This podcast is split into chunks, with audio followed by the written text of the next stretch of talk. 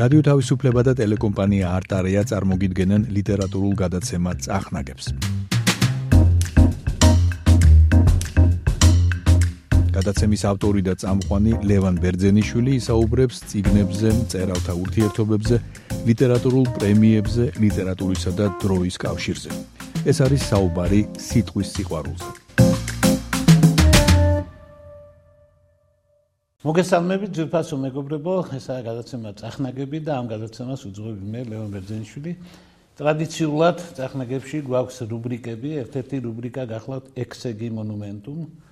ლექსი გამოითვის ექსეგი მონუმენტ ერეპერენიუს ძეგლი ავაგე ამ რუბრიკაში ჩვენ ყოველთვის ვაერთიანებთ საუბარს პოეზიაზე ცალკეულ ლექსებზე და დღეს იქნება საუბარი ერთი დიდი პოემის ერთ ნაკდეთზე პატარა ნაკდეთზე რომელიც სხვა შორის იმეორებს თავის თავში როგორც წლეთში იგულისხმება ოკეანე ისე დღევანდელ ტექსში იგულისხმება თელი პოემა და ამ პოემაში იგულისხმება კიდე მთელი სამყარო და მთელი სოფლიოს პოეზია. ლაპარაკი არის ვეფხისტყაოსანზე და ლაპარაკია ავთანდილის ანდერძზე. ვინაიდან ჩვენ ახლა ვცხოვრობ დაძაბულ დროში, არ შემიძლია არ გავიხსენო ერთი ხუმრობა, რომელიც ამ წუთას განსაცდელში მყოფი ქვეყნიდან მოდის, ასეთი ქვეყანა ბევრია უკვე, მაგრამ ერთ-ერთი ასეთი, რომელიც ნელ-ნელა ეწევა სამწუხაროდ თავის ევროპელ პარტნიორს იტალიას და მალე გადაასწრებს, იმიტომ ტემპი მისი ძალიან მაღალი არის კორონავირუსთან ბრძოლაში და დაინფიცირებაში ამერიკის შეერთებულ შტატებში აქვს ასეთი ხუმრობა. რომ ფლიო გაციებაო გადისო ერთ კვირაში წამლების გარეშე და 7 დღეში წამლებითო. ანუ ხუმრობენ რომ ის თანამ თავისას არ მოიჭამს ასე ვთქვათ კაციება მანამდე არ მორჩება და მე ყოველთვის ამ ხუმრობას უმატებდი ქართულ ელემენტს რომელიც იმათ ხუმრობა ეგონათ მაგრამ აბსურდულად არ ხუმრობდი. და ვამბობდი რომ კი ბატონო იმით წამლებით 7 დღეში წამლების გარეშე და ხიმობის გარეშე ერთ კვირაში. ხოლო ავთანდილის ანდერძით 4 დღეში მეთქი და ვერაფრით ვერავინ ვერ ხდებოდა რა იგულისხმება? იგულისხმება ის რომ თუ კი ჩვენ ასეთ დროს წავიკითხავთ ავთანდილის ანდერძს დღეში ერთხელ სულერთია ჭამის წინ ჭამის შემდეგ თუ ჭამის დროს თუ მივიღებთ ამ უებარ წამალს დღეში ერთხელ ადამიანი გამოჯანმრთელდება 4 დღეში. და ვინაიდან ახლა ჩვენ სულ ყველანი რაღაცნაირად ვართ ასე ვთქვათ თუ კორონათი არა კორონაზე ფიქრი დაავადებული მაინც ამ ვირუსმა ძალიან სერიოზულად ასე დროს მე ფიქრობ რომ გახსენება ამ შესანიშნავი ძეგლისა არის სწორედ რომ ძალიან სერიოზული უპრიანი არის ამ დროისთვის, ვინაიდან ავთანდილის ანდერძი არის სოფლიო ლიტერატურის ერთ-ერთი ყველაზე მაღალი ნიმუში იმისა, თუ რა არის, როგორ უნდა შეხდეს კაცი განსაცდელი და რა არის საერთოდ ადამიანის დანიშნულება, რა არის განსაცდელი. ვეფხისტყაოსანი გრანდიოზული პოემაა. ადამიანების ხატვით, ხასიათების ჩამოყალიბებით, სიუჟეტის განვითარებით მე არ მეგულება, რომ ბევრი პოემა იყოს სოფლიოში, რომელიც ამას გვერდით დაუდგება. ეს საოცარი ნაწარმოები არის ბევრი თვალსაჩინო და ამ მარგალიტში, რომელიც თავისთავად არის მარგალიტი და ბრილიანტი, არის კიდე შიგნით ჩასმული ერთი ზე ტექსტი, თავისთავად ვეფხისტყაოსანი არის ზე ტექსტი. ეს რა ვქენით ეს ქართველებმა, ისე იგი ხანდახან თვითონაც არ გვესმის ვისი ვისი პატრონები ვართ. ჩვენ ისეთი პოლიტიკური სისტემა, ისეთი მთავრობა გვყავს, რომ ხანდახან შეიძლება იფიქრო რომ აა ვინ ვარ ჩვენ რას წარმოადგენ და უცებ გაგახსენდება უცებ გაგახსენდება რომ ფხის ხავსანი დაიწერა ამ ენაზე და დამთავრებულია ყველაფერი. ვერცერთი მთავრობა ვერ აფუჭებს ამ ფიქს ამას იმიტომ რომ შეუძლებელია ასეთი რამე დაიწეროს იმ ხალხისგან რომელიც ცხოვრებას არაპირებს და რომელიც ქვეყანას ვერ ააშენებს და სხვა ეს წარმოუდგენელი. როგორც მაშინ ავაშენეთ ისე ავაშენებთ კიდევ ბევრჯერ იმიტომ რომ ჩვენ ეს ზეგლი დავწერეთ, იმიტომ რომ ჩვენს ენაზე იგი შესაძლებელი აღმოჩნდა. ეს წარმოუდგენელი ძალის ტექსტია. მე ვიცნობ ქართველებს, ვისაც ვეფხისტყაოსანი არ გონიათ ნიშნულოვანი ნაწარმოები. მე მეცოდება ეს ხალხი, როგორც ვიღაცებს მეც მეცოდები, როგორც ურწმუნო მაგალითად და ღვთისმილიდან გადავარდნილი და ასე შემდეგ, უნდა შევიცოდოთ ერთმანეთი და მე ყველა მეცოდება, ვინც ვეფხისტყაოსანი, ვისაც ვეფხისტყაოსანი გონია, რომ შემაძულა მასწავლებელმა საზეპიროები მასწავლა და თავიდან ბოლომდე ზეპირატრო ესწავლებინა კიდევ უფრო კარგი მასწავლებელი იქნებოდა. საზეპიროებზე როცა ლაპარაკობენ ისე გულის ტკივით რომ აუ საზეპირო რაღაცა ტრაგედია და სულ მეცინდება კაცო. საზეპირო. ნეტა კი ვინმე საიძულებინა და თავიდან ბოლომდე ესწავლებინა. აი რა მაგლიერი დავრჩებოდი. დიახ საზეპიროებს გვაძლევდნენ და ცოტას გვაძლევდნენ. მეტი უნდა მეც ვაძლევდი და მე მეც ვაძლევდი ვიდრე სკოლა აძლევდა და იმიტომ რომ აი რაზეც ახლა ვილაპარაკებ ეს აშკარად საზეპირო ტექსტია. თუ ადამიანმა სხვა ჩვენს ლექსიზე პირად არის ის მან ის ლექსი არ იცის. მაშინ თაღალდი უნდა კონდეს მაინც და მოტანილი მაინც უნდა კონდეს იმიტომ რომ მოყოლილი ჩვენ მოვისმენთ გახსოვს ერთხელ ერთმა კაცმა როგორც სადა ვეფხისტყაოსნის დასაწყისი ეთქო მე თელმა ფსიქოლოგიო მიცის თელმა საქართველოს და მარტო ერთ კაცს არწოდნია და მაინც მაინც მან მოინდომა ამით თავის გამოჩენა. და ასე გაჩნდა ტექსში ვეფხისტყაოსნისთვის ოდნა უცხო, მაგრამ ეგრე კაცის კაცის სასახელოდაც არ დაიბნა და იქვე შეთხზა ახალი ვეფხისტყაოსანი, ახალი ტექსტი. ავთანდილის ანდერძე არის ვეფხისტყაოსნის კვინტენსენცია, ანუ თავიდან ბოლომდე ვეფხისტყაოსნის იდეები, რომელიც 1666 სტროფში არის განფენილი, ჩაფინა ახლა 20 სტროფში. ზუსტად ის იდეა, რა იდეები არის ვეფხისტყაოსანი? ვეფხისტყაოსანში არის იდეები, რომ ადამიანმა ადამიანისთვის თავი უნდა გაწიროს. რომ ადამიანმა უნდა იცოდეს რომ სიცოცხლე არ არის ერთადერთი ღირებულება. როგორ უჭირთ ადამიანებს ამის დაჯერება? ვეფხისტყაოსანში როა ნათქვამი რომ ჯობს სიცოცხლესა ნაზრახსა სიკტილის სახელოვანიო, ეს ხო სიკტილის უპირატესობაზე ლაპარაკიაო და სიცოცხლე ყველანაირი კარგიაო და არ არის ეს მართალი. რუსთაველი ძალიან მაგარ რამეს ამბობდა ბევრი თვალსაზრისით და ეს აქაც იქნება გამეორებული, მაგრამ აქ იქნება სხვა დონეზე. ახლა ვეფხისტყაოსანი დიდი პოემა, ამხელა პოემას წაიგეთხა და რაღაცეებს გაიგებ. ანთანდილის ანდერძიდანაც ზუსტად იმდენს გაიგებ, რაც თელი ვეფხისტყაოსნია, მაგრამ ანთანდილის ანდერძი არის კონდენსირებული ტექსტი. შეჯამებული, შენიფთებული ტექსტია და თან იგი არ გაძლევს საშუალებას პერსონაჟების განვითარებით რამეს მიხვდე. ანუ წინ ტექსტის ანალიზი უნდა შეგეძლოს და რაღაცნაირად მე ვფიქრობ, რომ სწორედ იმით რომ ამაში კონდენსირებული არის კონდენსირებული არის უზარმაზარი აზრი. ანუ შემჭიდროებულად არის გადმოცემული ის, რაც თელ პოემაში არის გაშლილი, ამით აქვს მას, ჩემი აზრით, წამიდლის მნიშვნელობა. აიძულებს გონებას იმუშაოს 1000ჯერ უფრო დაძაბულად, ვიდრე მუშაოს, როცა ჩაოლებრივი ტექსტი ესმის ის წავიდა ეს მოვიდა იმან უთხრა, ამან უთხრა და ასე შემდეგ და ანდერძი არის. ახლა რა არის მნიშვნელოვანი? ანდერძ წერს ახალგაზრდა კაცი. ტრადიციულად ანდერძი ვიცით ვისი დასაწერით და ვინ არის წასასვლელი ვიცით და ვინ უნდა დაწეროს ანდერძი და ვინ ვის რა უნდა დაუტოვოს. ავთანდილის ანდერძი ანდერძის თვალსაჩინო იმ წუთიერი ანდერძის თვალსაჩინო არაფერი არ არის საინტერესო. იმიტომ ის ამბობს რაც მაქვს ქონება წაიღეთ დაურიგეთ ხარიბებს და ღატაკებს რაც არ გამოდგება იმისთვის, რაც არის ხანაგა თქვა თავშესაფრები და ასე შემდეგ, აი გამოიყენეთ ასე. მიეც გლახაკთა საჭურჭლეა თავისუფლე მონები. რატომ მიხცვიან, მომიგონებენ, დამლოცვენ, მოვეგონები. ანუ ჩემი სახელი დარჩება, ყველაფერს ტოვებ. ანუ ეს არ არის ანდებძი, რომელსაც ნაცები გულის ფანცკალით ელოდებიან, მე რა დამიტოვა და იმას ის რამდენი მოუწია და მე რა არ არის ასეთი ანდებძი. ავთანდილს უზარმაზარი ქონება აქვს და ემეტება მთელი თავისი ქონება, მეტი არავინ არ ყავს. მან ვის უნდა დაუტოვოს? ერთი კალი უყვარს, ერთი კაცი უყვარს, მეფე უყვარს, ოსტევანი და კალიშვილი მისი უყვარს თინათინი. ამათ მან რა უნდა დაუტოვოს? ახლა მასზე კაცილებით მეტი ქონება აქვს და ყველაფერი.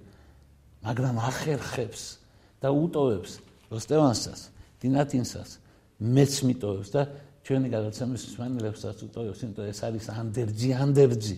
ეს არის ანდერძი დაწერილი რუსთველის მიერ ქართველი ხალხისათვის. ეს არის ის განძი, რომელიც მან დაგვიტოვა. თუ ჩვენ დავიბნევით და არ ვიცით როგორ ვიმოქმედოთ. თუ ჩვენ აღმოჩნდით ძიმე სიტუაციაში, როგორც დღეს აღმოჩნდით, თუ ჩვენ აღმოჩნდით იზოლაციაში, თუ ჩვენ აღმოჩნდით каранტინში, თუ ჩვენ აღმოჩნდით ციხეში, თუ ჩვენ უსამართლო დაგვიჭირეს, თუ ჩვენ უსამართლოდ გვებძვის რაღაცა დაავადება, თუ არასწორად გვექცევა მტერი და ასე შემდეგ და შემდეგ რუსთაველმა დაგვიტოვა ავთანდილის ანდერძი, სამოქმედო პროგრამა, რა უნდა გააკეთოს ადამიანმა, რომ დანიშნულება მისი ამ დედამიწაზე შესრულდეს თითქოს ძალიან მარტივი არის ეგ საკითხი. ადამიანმა რა უნდა გააკეთოს და რაც უბძანა ბუნება, ბუნება მუთხრა ცოცხალი იყავი და გამრავლდიო. ანუ სიცოცხლე უნდა იყოს თავარი ღირებულება. და ახლა წაგერ გამბძოლაში რა თქმა უნდა თავარი ღირებულება სიცოცხლეა. მაგრამ როდესაც იტალიელი მღვდელი ამბობს, რომ ეს სასუნთქი აპარატი მე კი არა, აგენ ამ ბავშვს შეუერთეთ, იმიტომ ის ჩემზე ახალგაზრდა და უფრო მე ვნახე ცხოვრება და იმას არ ვნახავს და ფაქტობრივად თავს წირავს. ჩვენ უცებ ხვდებით, რომ ასე მარტივად არ არის სიცოცხლე თუ ყველაფერია. მაშინ იმ კაცის სიცოცხლეს თქო ყველაფერია. მე მინდა ყველას გავახსენო ერთი უწყინვალესი ტრაგედია, რომელიც ევრიპიდემ დაწერა, რომელსაც ქვია ალკესტისი. ტრაგედია იმაზეა, რომ ერთვენიერ დღეს ალკესტისის ქმარი გვდება, მაგრამ მას სიკვდილმა შემოუთვალა, რომ თუ ვინმე შენს მაგივრად მოკვდება, მე შემიძლია შენ დაგდო. ადმეტოსი. ხდება, რომ არ უნდა მოკვდეს ახალგაზრდა და წავიდა იმათთან, ვინც უნდა მოკვდეს და უთხრა: დედა, დამითმე სიცოცხლე. მამა, დამითმე, იმათ უთხრეს: არა, შვილო, ეს ჩვენი სიცოცხლეა. ჩვენ შენ ვერ დაგითმობთ, ამა მამას ნუგთობ. ჩვენ შენ მოგეცით სიცოცხლე ერთხელ. მეორეჯერ ამას ნუგთობ და არავინ არავინ არ თქვა, რომ ადმეტოსის ნაცვლად მოკვდება და მაშინ სოლმა თქვა, მე მოვკვდები შენს მაგივრათო. ახლა აქ ის კი არ არის უცნაური რომ იმან რო თქვა. უცნაურია რომ ადმეტოსმა ეს მიიღო. აი როგორ უყარს სიცოცხლე და იმას არ უყარ, ანუ არსებობს ალკესტისთვის არსებობს სიცოცხლეზე თვითფასი რა. რუსთაველისთვის არსებობს ეს და როდესაც ავთანდილის ანდერჩი ის გვეუბნება რომ სხვა სხვისი ინტერესი არის ყველაზე უფრო მნიშვნელოვანი ესა მთავარი ანდერჩი თუ გინდა გაიგო ვინ ხარ უნდა სხვაზე იფიქრო. თუ გინდა გაიგო შენ რა დანიშნულება გაქვს სხვაზე უნდა იფიქრო. და ეს უბრალოდ სიტყვები კი არ არის. ავთანდილი რამოს მე იგივა ვისი ტილი მოყმისათვის თამაშად და მიჭას ღერად ეს ასე არის. შეიძლება ეს ძნელი გასაგებია მაგრამ ანდერძი ასეა დაწერილი მოგეხსენებათ ანდრეს თავისი ადგილი აქვს პოემაში და თავისი სტრუქტურული დანიშნულება აქვს ახლა გასაგებია რომ ავთანდილმა ნახა როგორც იქნა ხანგრძლივი შემდეგ ტარიელი იმიტომ ტარიელი მოევლინა ქვეყნიერებას როგორც რაღაცა ეშმაკის გაელვება რაღაცა შავი რაღაცა მოულოდნელი და რაღაცა მისტიური და მოულოდნელი და შეიძლება ბოროტი ძალაც კი მოეჩვენათ. მასში მეფემ დაღრეჯილობა აიჩემა მაგის შემდეგ და ვერაფრით ვერ გამოიყვანეს მომარები და ამიტომ გააგზავნა და ერთი წელი მისი მონები ეძებდნენ ტარიელს ვერ იპოვეს. ნუ არიწოდე მაშინ ტარიელი იყო ვიღაცას შავტაიჭოსანს. ამის შემდეგ გააგზავნილი იქნა ავთანძილი სამი წლით. ანუ საერთო ჯამში ტარიელის გამოვლენიდან თავარი სურათი და მეფხის ყოველსნისა ნახეს უცხო მოყმები მე აქედან გავიდა 4 წელი და შეხვდა ავთანდილი ტარიელს და ტარიელმა დაიწყო თხრობა თავიდან როცა 1160 წელს იგი დაიბადა ნუ დაახლოებით ვამბობ დაბადების თარიღს დაახლოებით იმიტომ რომ ვიცით რომ შემდგომში 5 წლის მერე თამარი დაიბადა და ასე გვინდა ვიანგარიშოთ რომ ტარიელი და რუსთაველი რაღაცა და თამარი არის ნესტანი და ნესტანის და თამარის დაბადება გვინდა დაამთხოთ ერთმანეთს ისევე როგორც თინათინის და თამარის გამეფება გვინდა დაამთხოთ ერთმანეთს და ისევე როგორც გიორგი მესამესა და არსადანის სიტილი გვინდა დაამთხოთ ერთმანეთს. ეს სამი თარიღი ემთხვევა ერთმანეთს და ვეფხისტყაოსანი სრულად გაიწედება დროში ისე როგორც წერია ზუსტად. იქიდან იქამდე იმდენი წელი გავა რამდენი საჭირო არის. ამ თვალსაზრისითაც ვეფხის ყავსანს არ აყავს მეტოქე მითოსურ დროში ხდება და სინამდვილეში რეალური ისტორიული დროში ზის წუთი წუთზე ვიცით ზეპირად როდის ვინ სადა როდის მოიტაცეს და რამდენი წელი იჯდა კაჭის ციხეში რამდენი წელი გავიდა მკვლელობიდან ვიდრე ნესტანის გათავისუფლებამდე და ასე შემდეგ და ასე შემდეგ. ყველაფერი ვიცით უზუსტად. ასეთი პოეტია. აი ასეთი პოეტი დააბრუნებს ავთანდილს, თო წელიწადი მიეცა ავთანდილს იმისთვის, რომ გაარკვიოს იქნება მან, იმიტომ რომ ტარიელი ვერ გაარკვევს. გაარკვევს, გონება დაბინდული აქვს და თვითონ ასე ესმის ჩვენივრად. ანუ ტარიელმა და ავთანდილმა რატომღაც იციან ჩინური ამბები.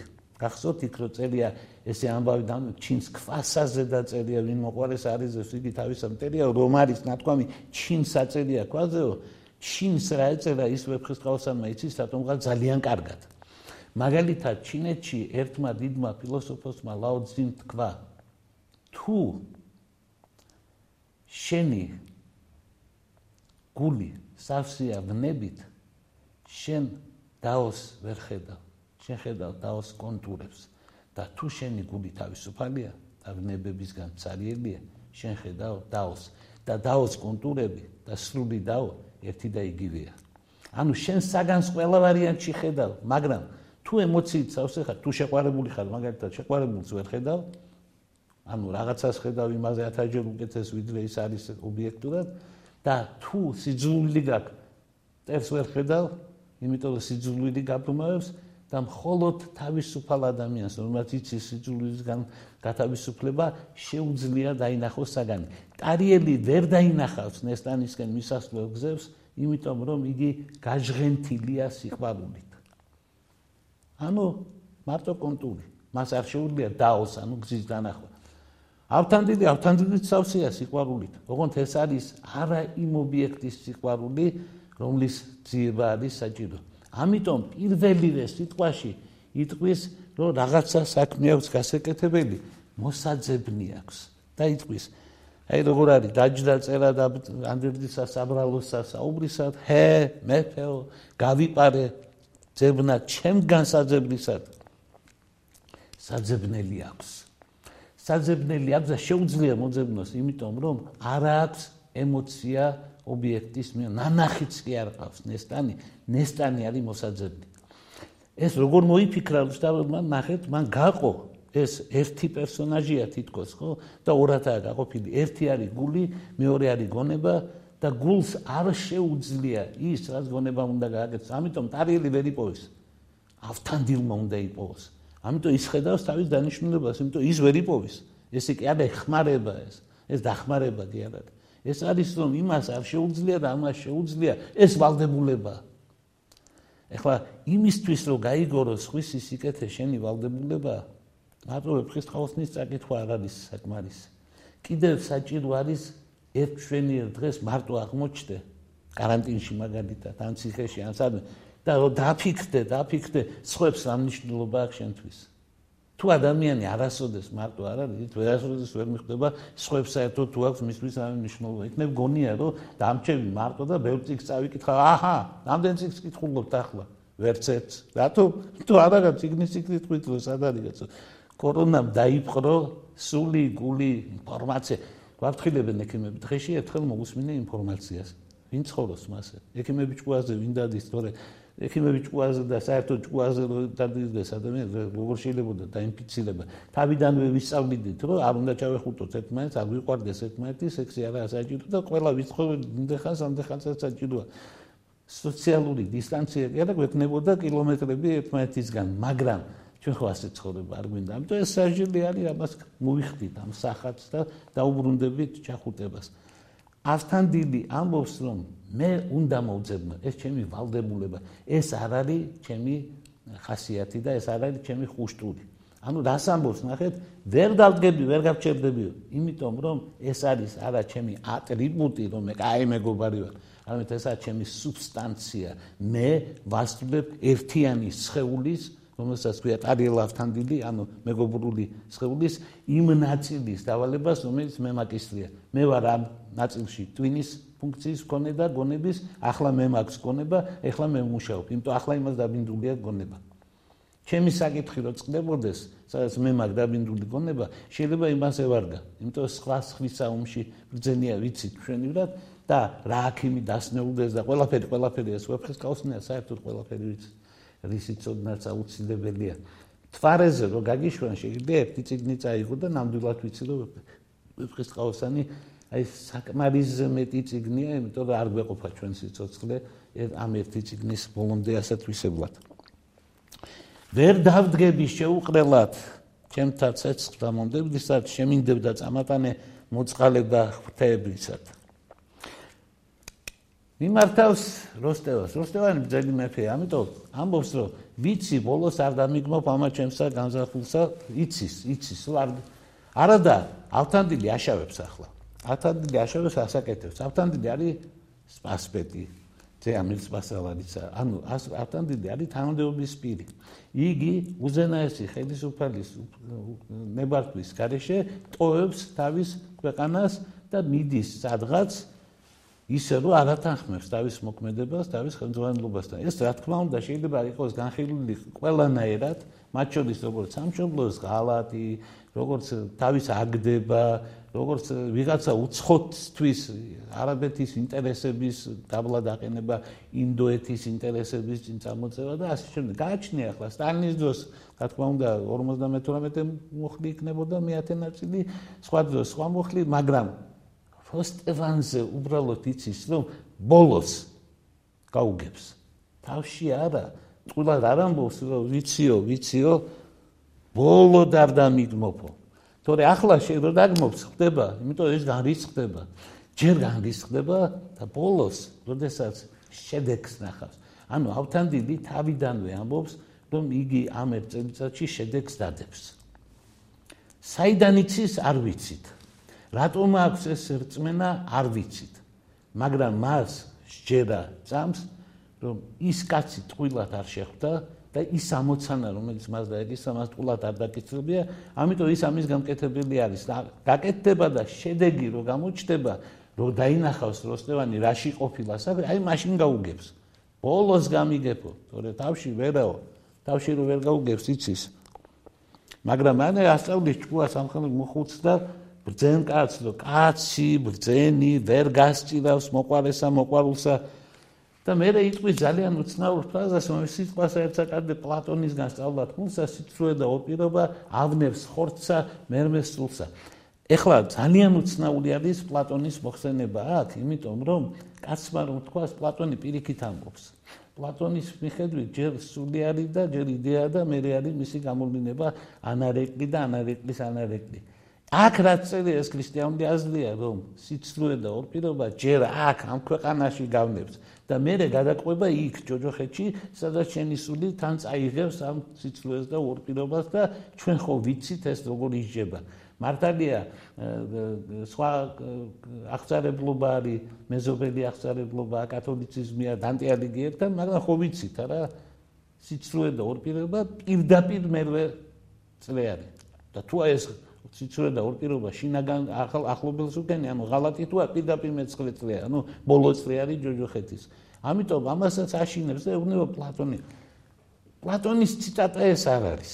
ყოველ შემთხვევაში იმ პლატონის რომელსაც ჩვენ ვიცნობთ. ასეთიდან მას არცერთ არ აქვს ნათქვამი. ნეოპლატონისაც არ გავს. იმიტომ რომ უყუღმა არის ასე თქვა, იქ თითქოს პირიქით უნდა ყოფილიყო.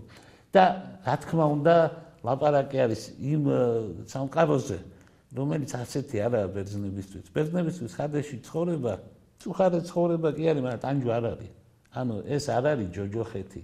ხადესი არ არის ჯოჯოხეთი. ხადესი არის IQ. სხვა რამე რამ ხადეში აგერ ჩვენი კალი მედია ცოლად გაყვა აქილევს. იმიტომ აქილევს ყველაზე მაგარი გო, ყველაზე მაგარი კალი ჭირდებოდა და იპოვა ასეთი. მარტადია ვიღაცებს ეჭვეპარებოდა ჩვენიანში, მაგრამ იმან ის გაერკვა. ჩვენი რა თქმა უნდა, მედია უნდა მოეყვანა ცოლად. ამიტომ როცა ავთანდილი ამას ამბობს ეყდნობა რა პლატონის ავტორიტეტს. შეიძლება ეს რუსთაველის პირადი აზრია და პლატონს მიაწერა მაგრამ შეიძლება რაღაცნაირად რაღაცნაირად ნეოპლატონიზმიდან ამის ამოღება სურდა მაგრამ ნახეთ რა თქვა ამ ქვეყნად კიდევ არა უშავსო რა. მაგრამ იმ ქვეყნად იმიტომ რომ იქო იქო ახლა იტყვი პირისპირ მარცხენსო და არ შეიძლება არ შეიძლება არ გავიხსენოთ რომ ასეთ რამ ჩვენ წაკითხული გვაქვს ის რასაც ახლა ავთანდილი იტყვის რომ საიქიოში რომ წავალ იქ მე დამხვდება ის და ცუც სიტყვას მეტყვისო ეს ჩვენ წაკითხული გვაქვს. ეს ჩვენ წაკითხული გვაქვს ჰომეროსის ოდისეაში როდესაც ოდისევსი ჩვენი ქალისგან კირკესგან თუანასწავლები მივიდა ისეთ ადგილას საიდანაც ხადეს ჩაწვდა ანუ ორმო ამოთხარა და შიგნით ხადესი დაინახა და იქ დაელაპარაკა იქ ერთმა კაცმა მას ხმა არ გასცა ოდისევს ძალიან უნდოდა იმასთან დალაპარაკება, მაგრამ ვინაიდან აქილევსის საჭურველზე რო ჩხუბი ქნეს და ამ ჩხუბში გამარჯვა შეჯიბრებაში გამარჯვა ოდისევსთან, მას ერგო აქილევსის აღჭურვილობა, ფარიც, შუბიც და ყველაფერი, ხმალიც და ხანჯალი ყველაფერი, საბარტულები, აბჯარი ყველაფერი უზარადიანად. ყველაფერი მან ჩაიგდო ხელში. აი ას ტელამონიზეს ეწყინა, იმიტომ იმას ეკუთვნოდა თითქოს ის იყო ყველაზე დიდი ვაჟკაცი, ოდისევსი უბრალოდ უფრო ცფიერი იყო. და ნაწყენი დარჩა და ჰადეში რო ჩააკითხა, იქაც კი არ დაელაპარაკა. შემდეგ ამ შესანიშნავ სახეს აიგებს ვერგილიუსი თავისი პოემისთვის და როდესაც ენიასი შეიძლება დიდოს დაელაპარაკოს საყვარელს, რომელიც მიატოვა, ის ხალი ზურგს შეაქცევს და ხმას არ გასცემს. და ამას გამიკეთებსო ტარიელიო ეს ამბობს. ამას გამიკეთებსო პირისპირ მარცხენს ორთავე მივალთ მას იქით რომ მივდივართო ის მე შემხდება და პირდაპირ მეტყვის და შემარცხენსო ზუსტად ისე როგორც ეს ჰომეროსთან არის. მე ნათქვამია რომ რადგან სიცრუე არის ყველა უბედურების სათავე მე როგორ გავწირო ჩემი ძმაო? არავიქ ცოდნა რას მარგებს ფილოსოფოს და ბრძნობის ანუ უკვდავი ჭეშმარიტება. თუ ფილოსოფოს და ბრძნობას არ იყენება. ეს ცოდნა არაფერი არ არის. ცოდნა რომლის გამოყენება შეუძლებელია ან ცოდნა რომლის გამოყენება შენ არ შეგიძლია ცოდნა არ არის. ცოდნა ოპერატიულია. იგი უნდა იყოს გამოყენებული. ეს სიბრძნე ავთანდილის ეს სიბრძნე ნიშნავს იმას რომ მე დაახლოებით ასამს მე ვიცი როგორ ვიპოვო ნესტანი და დავქნა ახლა. ძვიცი და უთხრა ტარიელს რომ დიდი მონიში კი ვიცი მაგრამ ეს სახში ვზივარ მე ნუ აგერ თინატინა აგერ მე საქმე მაქვს ჩემი დანიშნულება მაქვს. არავიქმ.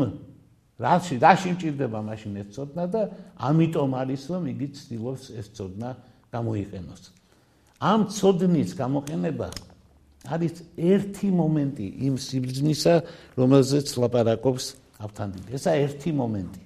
არის კიდე მეორე მომენტი როგორც ხვდებით ავთანდილის ანდერძის იმ ნაწილას მივედი ნაწილზე მივედი ჩვენ სადაც ნათქვამია ხო გაგიგიო სიყვარული რა არისო მოციქულები როგორ აღწერენ როცა ამბობს მოციქულებიო სიყვარულიო რა თქმა უნდა იგულისხმება ის მოციქული რომელიც სინამდვილეში მეცამეტე მოციქულია. პავლე იგულისხმება რა თქმა უნდა იმიტომ რომ სიყვარულზე ყველაზე კარგად სწორედ პავლე მილაპარაკა თავის ასე ვთქვათ ეპისტოლეებში პავლენი ლავსავსეანით მან ილაპარაკა სიყვარულზე და მან თქვა რა შეუძლია სიყვარულს მას აზიდვა ამაღლება რო შეუძლია სიყვარულს ისინი ამას ამბობს და ნახეთ ახლა არაბი კაცი сахарების ყველაზე ანუ ახალი აღთქმის ყველაზე ფუნდამენტურ საკითხს ეხება. ხო მაგალითად რამე არა ავთანდილი არის არაბი ფორმალურად უნდა იყოს მუსლიმი, ლაპარაკობს ატომღაც ქართულად და უყვარს ძალიან ციტირება იმედან რა ქვია სახარებიდან. რომელშიც ოთხთავის გარდა უმნიშვნელოვანესი არის პავლე მოციქულის ეპისტოლეები. და ამაზე ამბობს მოციქული ამბობს რომ სიყვარული აღმამაგლებსო და შენ თუ ნასწავლმა კაცმა ანუ როსტევანმაც იცის ეუბნება ხო გაგიგიო როსტევან არაბეთის მეფემ გადასარევად იცის სახარება. ავთანდილმა და კიდე ამბობდნენ ქრისტიანი არ არისო და სამებას არ ახსენებსო და სხვა. მუსლიმებს საწოდინებს ავალებს სახარების ხმათ ცოდნას მე აქ უნდა შევჩერდე იმიტომ რომ ჩვენი გადაცემისთვის დანიშნული დრო ამოიწურა და როგორც ხვდებით მე ახალ ტრადიციას ვამკვიდრებ ეს იყო ავთანდილის ანდერძზე გადაცემა პირველი. ერთი გადაცემა რომ მაგას არ ეყოფოდა მე ბავშვობიდან ვიცოდი და ამიტომ ვერ ვიტყვი ორი ეყოფა მეთქი ვაცალოთ მეორე გადაცემასაც. სანამ ძვინვარებს მანამდე ჩვენ ავთანდილის ანდერძზე ვილაპარაკებთ. ზუსტად იმ დროს დავამთავრეთ, როცა საჭიროა, ამიტომ ჩემო ძვირფასო მეგობრებო, იყავით მხნეთ და მткиცეთ, და ყოველთვის გახსოვდეთ ჩვენ ის ხალხი ვართ, რომელმაც ავთანდილი შვა სხვისთვის თავდადებული კაცი შვა. ჩვენ ის ხალხი ვართ, რომელმაც ნესტანი გამოიხსნა თყვეობიდან და რომელმაც თავისი მთავარი ძეგლი ოპტიმისტური ნოტით დაამთავრა. აი სხვანაირი ხალხიც არსებობს, რომელსაც მაგალითად სევდიან განწყობათა ციგნები მიაჩნია ცენტრალურ ციგნებად თავის ისტორიაში. და ჩვენ არა. ჩვენ ვეფხისტყაოსნის ხალხი ვართ და ყოველთვის როცა გაგვიჭირდება ეს გვახსენდება ხოლმე.